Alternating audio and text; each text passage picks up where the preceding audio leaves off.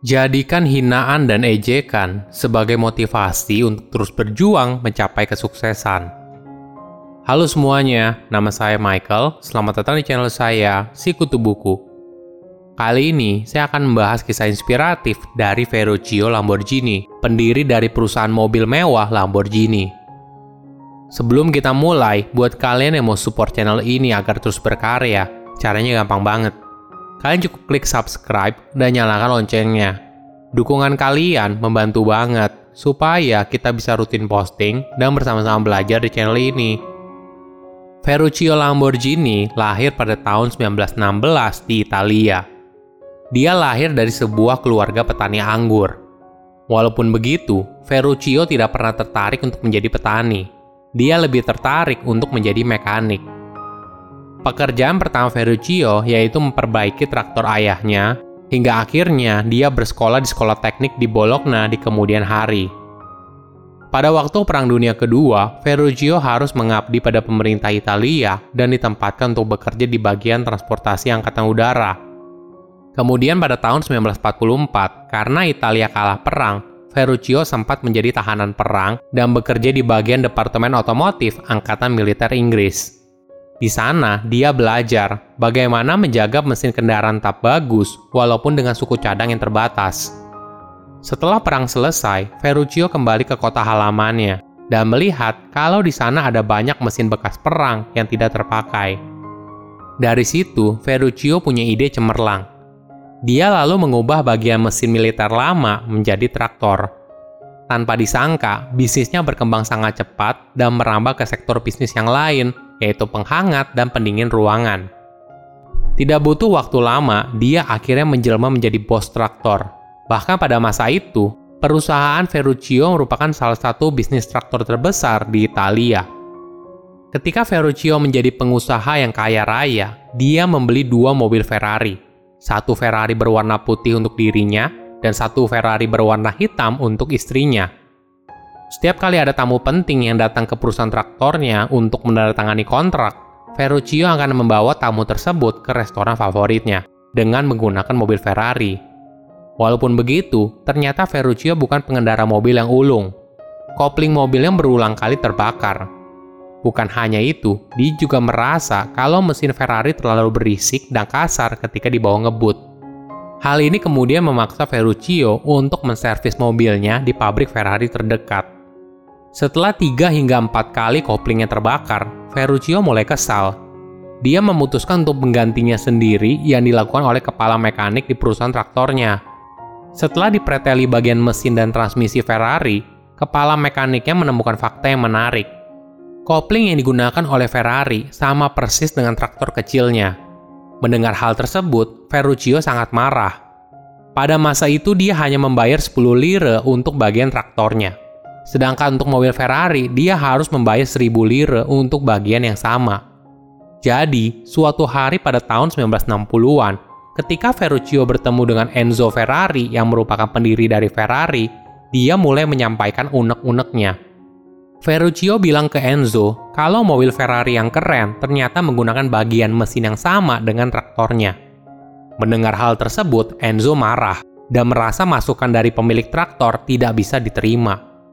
Wajar saja, saat itu Ferrari merupakan salah satu mobil sport cars yang paling terkenal. Dia kemudian bilang, kamu adalah pengemudi traktor, kamu adalah petani. Kamu tidak usah komplain soal Ferrari karena itu adalah mobil terbaik di dunia. Ferruccio pun menjadi tambah marah. Dia balas ke Enzo bilang, kalau dia memang petani, tapi dia akan menunjukkan bagaimana membuat sport car yang sebenarnya. Itulah momen yang membuat Ferruccio memutuskan untuk masuk ke bisnis sport car. Dari yang awalnya hobi, kemudian dia memutuskan untuk serius mengembangkannya. Ferruccio kemudian menggunakan kalimat pahit dari Enzo sebagai motivasi untuk membuatnya mulai bekerja menciptakan mobil mewah dengan mereknya sendiri. Banyak orang merasa Ferruccio tidak masuk akal karena ingin menyaingi Ferrari. Maklum saja, saat itu Ferrari sudah eksis selama bertahun-tahun, sedangkan Ferruccio tidak punya pengalaman apa-apa dalam membuat sports car. Tidak jarang juga orang menyebut dirinya gila dan merasa mimpinya mustahil serta terlalu beresiko. Namun semua pandangan orang lain dipatahkan oleh Ferruccio. Dari situ, Ferruccio mulai membangun pabrik dan menentukan tanggal awal produksinya. Dia juga merekrut beberapa mantan karyawan dari Ferrari yang merupakan insinyur dari beberapa mesin terbarunya. Mereka memiliki tugas khusus, yaitu menciptakan mobil mewah dengan kecepatan tinggi yang mampu mencapai 241 km per jam. Dalam waktu 4 bulan, dia berhasil memamerkan mobil pertama Lamborghini dengan tipe Lamborghini 350 GTV di Turin Motor Show pada bulan Oktober 1963. Kemudian di akhir tahun berikutnya, Lamborghini berhasil menjual 13 mobil pertamanya. Sebagai informasi, Logo yang digunakan oleh Lamborghini merupakan banteng sebagai referensi dari zodiak Ferruccio, yaitu Taurus. Beberapa model mobil Lamborghini juga mengambil referensi yang dekat dengan banteng atau pertarungan banteng. Salah satu contohnya adalah Miura, yang merupakan mobil ikonik dan sampai sekarang masih diburu oleh para kolektor. Maklum saja, mobil tipe ini tergolong langka dan usianya yang sangat tua sehingga sudah tidak banyak lagi tersedia di dunia. Nama ini juga berasal dari salah satu banteng petarung yang terkenal. Dari situ, kepopuleran Lamborghini juga terus berlanjut. Hingga saat ini, Lamborghini dan Ferrari masih merupakan simbol dari kekayaan, kemewahan, dan kecepatan. Ada beberapa pelajaran menarik dari kisah Lamborghini. Pertama, jadikan hinaan sebagai motivasi. Ketika kita diremehkan atau dihina oleh orang lain, Tentu saja hal ini membuat kita marah dan jengkel. Tapi ada cara lain yang menarik untuk membalas hinaan tersebut. Banyak orang menyebutnya sebagai the sweet revenge. Caranya adalah mengarahkan kemarahan tersebut sebagai motivasi untuk sukses. Ferruccio menggunakan hinaan Enzo Ferrari yang bilang kalau dia tidak tahu apa-apa soal sports car karena Ferruccio hanya seorang pengusaha traktor.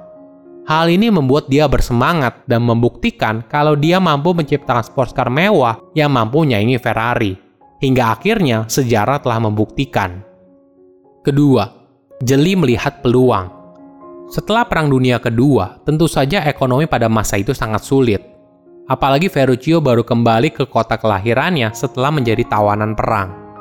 Dia lalu melihat adanya kebutuhan besar dari para petani untuk memperbaiki traktor mereka Melihat hal tersebut, Ferruccio punya ide cerdas menggunakan bagian dari mesin militer menjadi traktor. Kejelian dia dalam melihat peluang membuat Ferruccio berhasil menjadi salah satu pengusaha traktor terkaya pada masa itu. Ketiga, setiap kesulitan ada sisi baiknya. Masih ingat ketika Perang Dunia Kedua? Saat itu, Italia merupakan negara yang kalah perang. Dampaknya, Ferruccio sempat menjadi tahanan perang bagi angkatan militer Inggris. Tentu saja keadaan dia saat itu tidak mudah. Namun sebagai tahanan perang, Ferruccio diberikan tugas di Departemen Otomotif dan belajar bagaimana membuat kendaraan militer pada masa itu tetap berfungsi dengan baik walaupun dengan suku cadang yang terbatas. Hal inilah yang mengasah kemampuan Ferruccio menjadi kreatif dan menambah ilmu seputar perbaikan kendaraan. Jangan berkecil hati ketika diejek atau diremehkan Gunakan hinaan tersebut sebagai dorongan motivasi untuk menghasilkan karya yang luar biasa. Silahkan komen di kolom komentar pelajaran apa yang kalian dapat ketika tahu informasi ini. Selain itu, komen juga mau tahu informasi apa lagi yang saya review di video berikutnya. Saya undur diri, jangan lupa subscribe channel YouTube Sikutu Buku. Bye bye.